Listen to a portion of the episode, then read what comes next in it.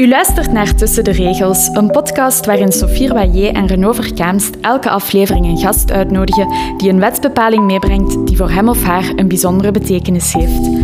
Met verhalen over markante rechtszaken, opmerkelijke histories of intrigerende anekdotes brengen zij dode letters tot leven.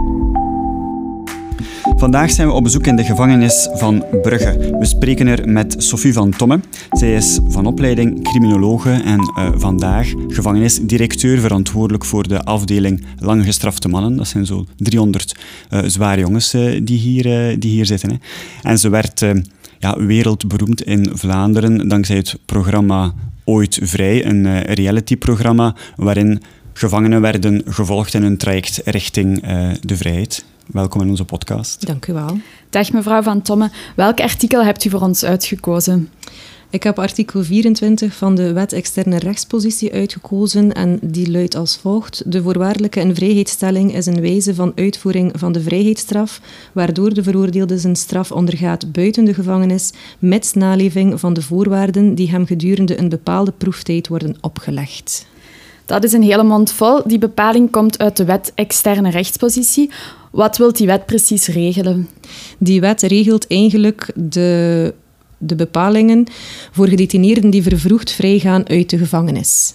Dus die voor het einde van het bereiken van hun straf terug naar de maatschappij mogen terugkeren onder een aantal voorwaarden die zijn opgelegd door een strafuitvoeringsrechtbank.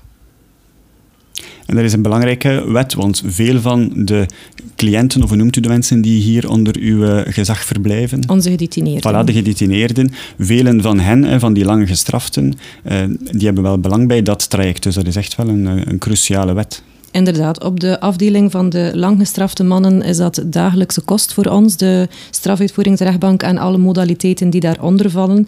Want naast de voorwaardelijke vrijheidsstelling kan de strafuitvoeringsrechtbank ook nog beslissen tot een beperkte detentie of een elektronisch toezicht. Dat zijn eigenlijk de drie strafuitvoeringsmaatregelen die zij kunnen uitspreken.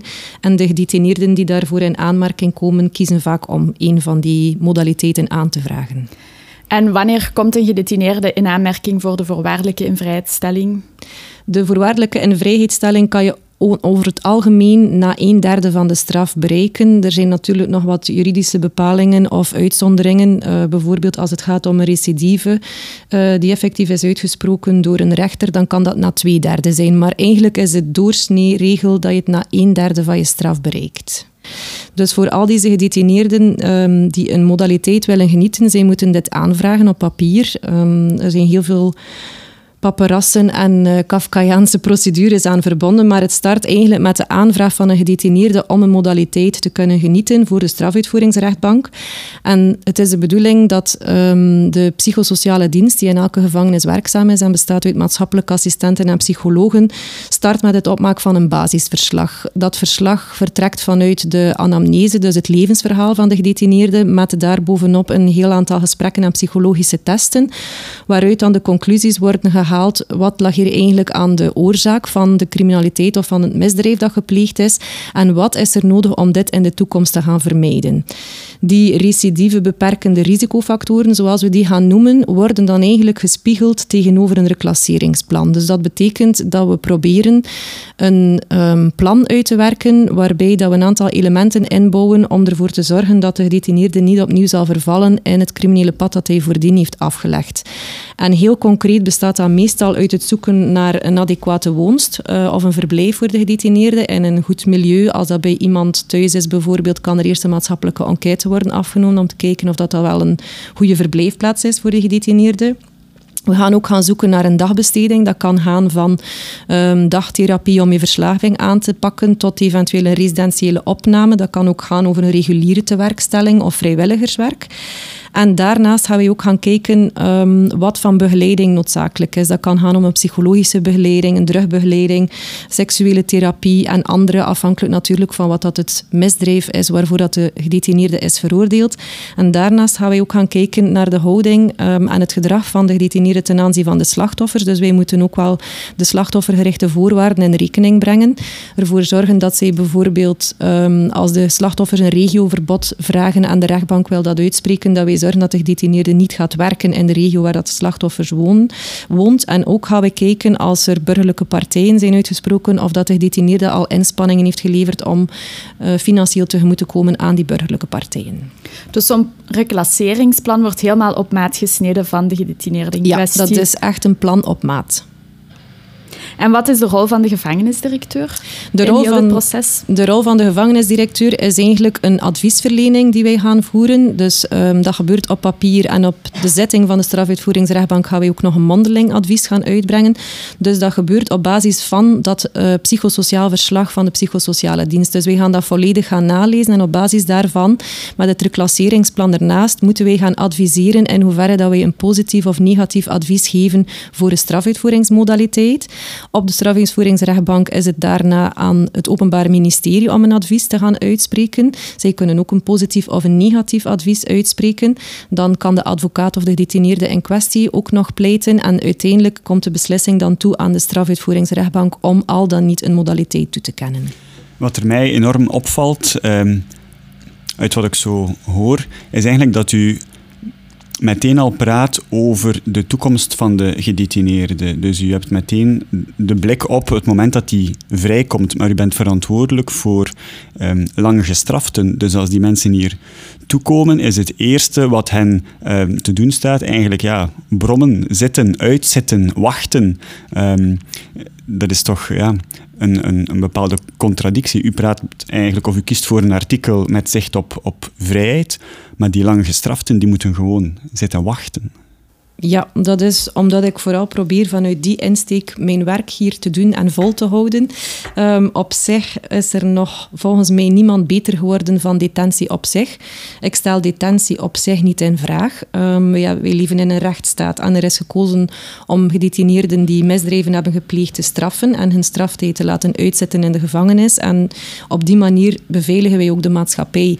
Dus voor mij staat dat buiten discussie. Los daarvan moeten we wel durven kijken naar um, de zinvolheid van een detentie en hoe wij met gedetineerden omgaan. Um, wij proberen in de gevangenis en tijdens detentie een aantal positieve projecten aan te bieden. Hier in de gevangenis van Brugge, waar wij merken wel dat dat heel vaak op vrijwilligheid en engagement van de lokale gevangenissen steunt, um, met zeer beperkte budgetten omdat het mij weinig zinvol lijkt om iemand in een cel op te sluiten één uur per dag te laten in de buitenlucht uh, op een, een grasveld, laten wat rondjes lopen en dan maar te wachten totdat hij in aanmerking komt om vervroegd vrij te komen omdat ik denk dat de focus te weinig ligt op de realiteit. Wanneer we in de samenleving vaak horen dat gedetineerden inderdaad maar in die gevangenis moeten zitten en wachten en tot extreme uitspraken van zetten op water en brood kan dat allemaal begrijpen dat je zo'n ideeën hebt over detentie, maar ik denk dat er te weinig wordt beseft dat 99% van onze gedetineerden terug vrijkomen en dat zijn mensen die terug in jouw leven, jouw maatschappij jouw buurt gaan leven. Dus ik denk dat we ons te weinig afvragen wat na detentie. En dat is wel iets wat wij als gevangenisdirecteur wel dagelijks mee geconfronteerd worden en waar dat wij ook op inzetten, omdat wij zien dat nog te veel mensen terugkeren naar de gevangenis. En eigenlijk zou je daar moeten kunnen mee beginnen, als ik het goed begrijp, vanaf dag één. Want lang gestraften, stel u voor veroordeeld wegens um, moord, levenslang of, of, zware criminaliteit met herhalingen. Dus dan de eerste keer dat je echt die, um, dat gunst dat dan recht geworden is door de wet kunt krijgen, dat is na uh, tien of, of vijftien jaar. Um, wat gebeurt er om die mensen te motiveren gedurende die eerste 10 en 15 jaar? Kan dat eigenlijk wel? Het is zeker niet gemakkelijk um, voor langgestraften om hun motivatie vast te houden, zeker in detentie, want wij doen heel weinig met onze gedetineerden. Op zich uh, is het detentieplan in het leven geroepen ondertussen uh, door de minister, wat dat een, een zeer goed idee is. Je moet inderdaad van dag één starten met je gedetineerden en kijken hoe gaan we onze detentie zinvol gaan uh, opstarten en invullen om dan daaraan gekoppeld op het moment van de strafuitvoeringsrechtbank een reclasseringsplan verder aan te breien.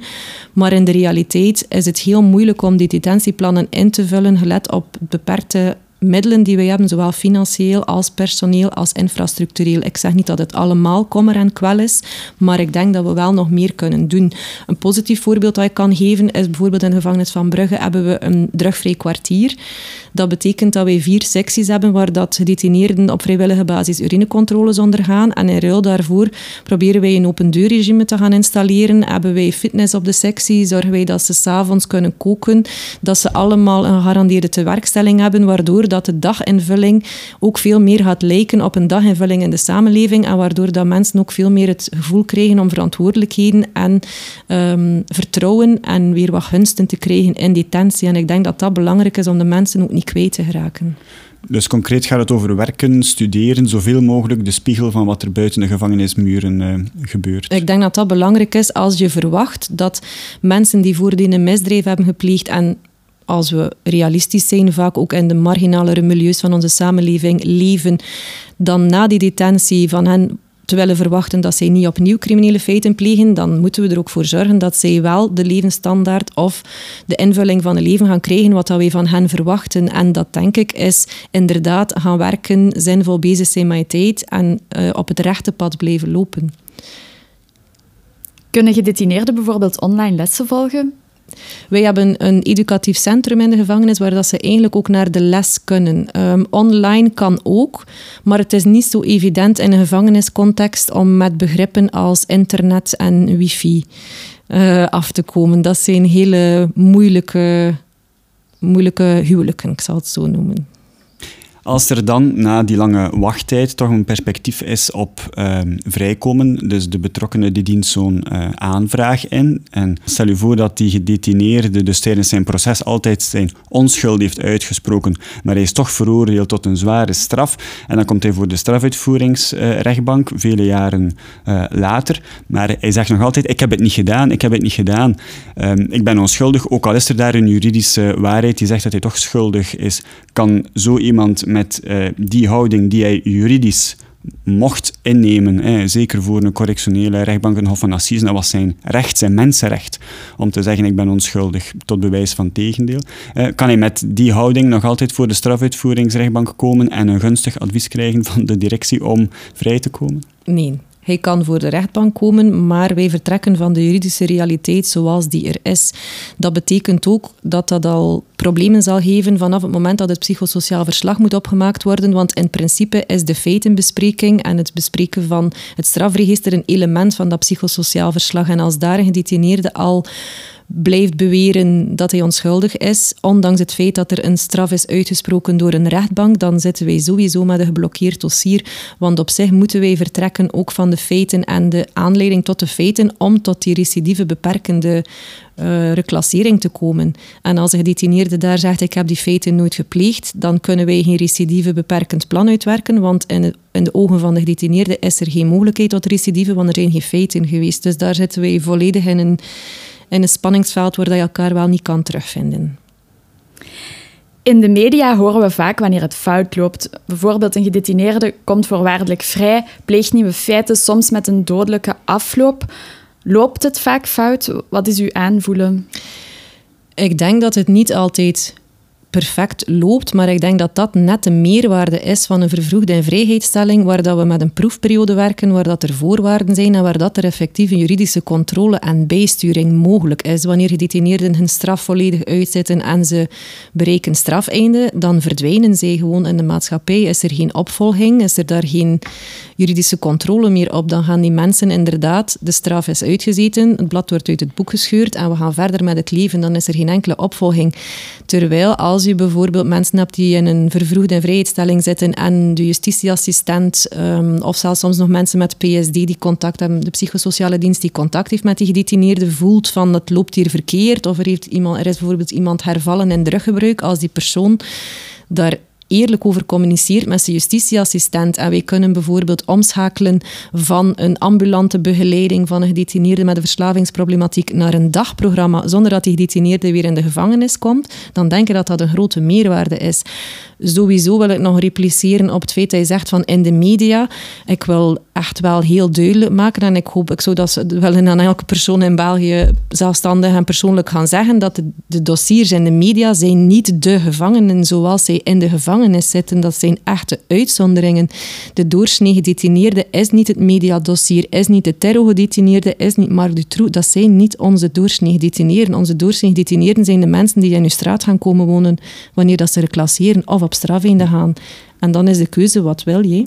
Dus de paradox is eigenlijk, het is veiliger en beter voor de maatschappij om iemand voorwaardelijk vrij te laten voor het einde van zijn straf. Want op die manier is er tenminste nog, uh, nog een vorm van begeleiding en, en, uh, en controle. Inderdaad, en daarbij komend het feit dat we in detentie vaak meer schade aanrichten in het persoonlijk leven van mensen en de stap naar een recidive beperkend leven groter en moeilijker maken door al die lange detentiedagen, jaren, maanden aan elkaar te, te regen, dan is dat inderdaad een volgens mij maatschappelijk veel veiliger situatie om mensen vervroegd in vrijheid te laten met een proefperiode, met voorwaarden en juridische controle. We zitten hier in de gevangenis van Brugge. Dat is een gigantisch complex, ligt even buiten het stad, stadscentrum. Maar in het eerste seizoen van onze podcast Tussen de Regels spraken we met professor Verbrugge ook al over het idee van detentiehuizen. Die liggen dan in de stad, dichter uh, bij ja, gewone mensen, waar dan gedetineerden uiteindelijk op een dag ook terug uh, zullen gaan wonen. Wat is uw visie daarop? Ik ben pro-detentiehuizen voor de gedetineerden die daarvoor in aanmerking komen. Ik denk dat we het moeten nuanceren. Er zijn mensen die zeggen dat je de gevangenissen moet afschaffen en enkel met detentiehuizen werken. Er zijn mensen die tegen de detentiehuizen zijn. Ik ben voor een mix en match van beide. Ik vind het veel belangrijker dat wij inzetten op strafdifferentiatie en dat wij mensen opsluiten in een omgeving waarvan dat de veiligheid eigenlijk in verhouding staat tot de risico's die zij vormen. Ik vind bijvoorbeeld hier in de gevangenis van Brugge zitten vrouwen opgesloten. Wij zijn een technisch uh, zeer beveiligde, hoogbeveiligde gevangenis. Dat is verre van voor al die vrouwen en ook voor een groot deel mannen niet nodig. Omgekeerd kan je ook niet alle mannen die wij hier in de gevangenis hebben in een detentiehuis plaatsen. Bijvoorbeeld al bij ons in het strafhuis hebben wij drie verschillende kwartieren. We hebben een gesloten kwartier, een open kwartier en een open deurkwartier. En ook daar gaan wij kijken hoe zij zijn mannen in detentie en wat is voor wie haalbaar? En ik kan u verzekeren dat staat enorm los van de feiten die ze hebben gepleegd. Dat hangt veel meer samen met uw persoonlijkheid en eventuele gedragsproblematieken of psychische problematieken. U bent opgeleid als criminologe en u ging meteen aan de slag na dan die opleiding in een gevangenis als herstelconsulente, in de gevangenis van Yper, als ik dat uh, goed heb uh, begrepen. Dus eigenlijk meteen uh, van de criminologie in de gevangenis uh, uh, beland. Vanwaar die fascinatie en uh, klopt het beeld dat u kreeg in de, in de aula over criminelen en criminologie, matcht dat ook met wat u dan zag in de gevangenis van Yper en later hier in de gevangenis van Brugge? Op zich um, heb ik altijd wel de link gezien, vooral tussen het vak penologie en uh, het leven in de gevangenis. Ik vind in dat vak werd er echt wel een schets gemaakt van het leven in de gevangenis zoals het is. Voor mij was dat een, een redelijk, redelijke match met de operationele realiteit van een gevangenis. Um, en mijn fascinatie is eigenlijk gestart um, toen dat ik criminologie studeerde. Heb ik in het laatste jaar stage gelopen in de forensische psychiatrie voor medium security geïnterneerden in Zaalzaten. En daar ging ik samen met de criminoloog en de psycholoog uh, mee ook intakes gaan doen in de gevangenissen. En daar heb ik wel onmiddellijk gevoeld van dat is hier echt een omgeving waar ik mij goed voel, die mij enorm interesseert. Um, en dan heb ik overheidsmanagement bijgestudeerd, omdat er zeer veel criminologen jaarlijks afstuderen en ik wilde mijn kansen op de arbeidsmarkt toch een beetje vergroten. En um, ik had in die richting uh, als medestudent Luc Stas, uh, die lang inrichtingshoofd geweest is in de gevangenis van Gent. En zo heb ik kunnen stage lopen in de gevangenis van Gent. En ben ik in contact gekomen met de herstelconsulenten die daar toen werkten. En eigenlijk als herstelconsulent werk je rond de relatie tussen dader, slachtoffer en maatschappij. En dat was voor mij eigenlijk echt wel een trigger. Um, ik heb ook echt op die job gesolliciteerd en ik heb die ook een jaar kunnen uitoefenen. Maar na dat jaar is er beslist dat het herstelgedachtengoed voldoende was geïnstalleerd, structureel in de gevangenissen. En um, werd de functie op zich afgeschaft en opgenomen binnen het directieteam. Dus het was voor mij stoppen of directeur worden. Vandaag, vandaar um, het volgende niveau managing. Maar eigenlijk, ik hoor uit uw verhaal dat u nog altijd eigenlijk de uh, voeten op de grond hebt en de mensen de, de moed inspreekt, uh, energie geeft hier in de, in de gevangenis van, uh, van Brugge en vanaf dag één probeert de blik te richten op het moment dat die ooit terug vrijkomen. Ja, dat is inderdaad wat ik probeer, omdat dat voor mij ook de realiteit is van een gevangenis. Een gevangenis is voor mij niet het statische element van de detentie, maar vooral de mens die hier zit, komt op een dag weer buiten. Dus zouden we beter zorgen dat dat op een betere manier is dan dat hij hier is toegekomen. Maar uw handelingsvrijheid is toch wel beperkt tot deze muren? Want als er verwacht wordt dat mensen hier buiten eh, de muren een opvangplek, een werk, een hobby, andere contacten hebben, die reach out, dat kan u toch niet doen? Dat moet toch die betrokkenen doen of, of, of sociale diensten hier in de, in de gevangenis? Ja, dat is inderdaad vooral de psychosociale dienst, maar dan komen we ook wel weer in de picture als het gaat om het aanvragen van uh, uitgangsvergunningen of verloven om dat reclasseringsplan gestalte te geven, is het ook weer de directeur die advies geeft. En wij werken ook zeer nauw samen met onze psychosociale dienst om de reclasseringsplannen mee op te volgen en vooral de basis ervan te leggen. Want hoe doet een gedetineerde dat? Hij zit hier en uh, bij gebrek aan internet en wifi, heb ik begrepen, kan hij toch niet zomaar een sollicitatiemail sturen? Nee, maar wij hebben wel een samenwerkingsakkoord met de diensten van de Vlaamse gemeenschap. Dus um, zij komen eigenlijk de gevangenis binnen. En het is ook de bedoeling dat gedetineerden um, op vlak van Vlaamse bevoegdheden toegang hebben tot dezelfde diensten als dat burgers buiten de gevangenis hebben. Dus heel concreet betekent dat dat de VDAB hier binnenkomt, dat Centra Geestelijke Gezondheidszorg hier binnenkomen, dat uh, begeleidingsdiensten, CAW, JWW, um, Centrum Algemeen Welzijnswerk, Justitieel Welzijnswerk hier binnenkomen en eigenlijk een brugfunctie zijn tussen de bevoegdheden van de Vlaamse gemeenschap intramuros en extramuros. Dus het is zo dat een gedetineerde die werk zoekt hier binnen zal naar de VDAB-consulent gaan om te zeggen van kijk, dit is mijn profiel, dit is wat ik kan, dit heb ik vroeger gedaan, dat zijn mijn sterktes. En zo gaan zij dan gaan zoeken naar vacatures. Als er dan een mogelijkheid is om te gaan solliciteren, dan gaan we eigenlijk opnieuw als directeur advies verlenen om een uitgangsvergunning te krijgen op basis weer van het psychosociaal verslag, waardoor de gedetineerde kan gaan solliciteren. Dat is dan stap 1 van het reclasseringsplan. Hetzelfde voor begeleiding, voor woonst en dergelijke. Dus als de gedetineerde niet naar buiten kan, als de gevangene niet naar de buitenwereld kan, dan komt de buitenwereld eigenlijk gewoon naar de gevangenis. Ja, het is inderdaad een binnen- en buitenverhaal. Stel u voor dat u nu voor één dag als wetgever de pen in de hand zou mogen houden. Zou u artikel 24 van de wet op de externe rechtspositie herschrijven? Nee, dat zou ik niet doen. Ik geloof enorm in die wet. Um, waar volgens mij de sleutel van de verandering ligt, is in nog heel veel sensibiliseringswerk in de samenleving om te gaan beseffen dat detentie op zich geen zin heeft als je niet actief aan de slag gaat met de mannen en de vrouwen in detentie en erna. En dat ook de personele, operationele en budgettaire middelen daar tegenover wordt gezet. Want gevangenisstraf en um, mensen in detentie zijn zeer duur aan onze samenleving. En ik denk dat wij dat echt op een andere en betere manier nog kunnen gaan invullen. In elk geval bedankt dat we vandaag bij u mochten uh, langskomen. Ik onthoud vooral dat wanneer het niet lukt om de gedetineerden op tijd buiten de gevangenismuren te krijgen, met alle juridische voorwaarden en controles, dat de buitenwereld hier binnen mag komen, zelfs voor een podcastopname. Super bedankt daarvoor. Heel graag gedaan. Deze podcast kwam tot stand met dank aan advocatenkantoor Livorno en het Center for IT en IP Law van de KU Leuven.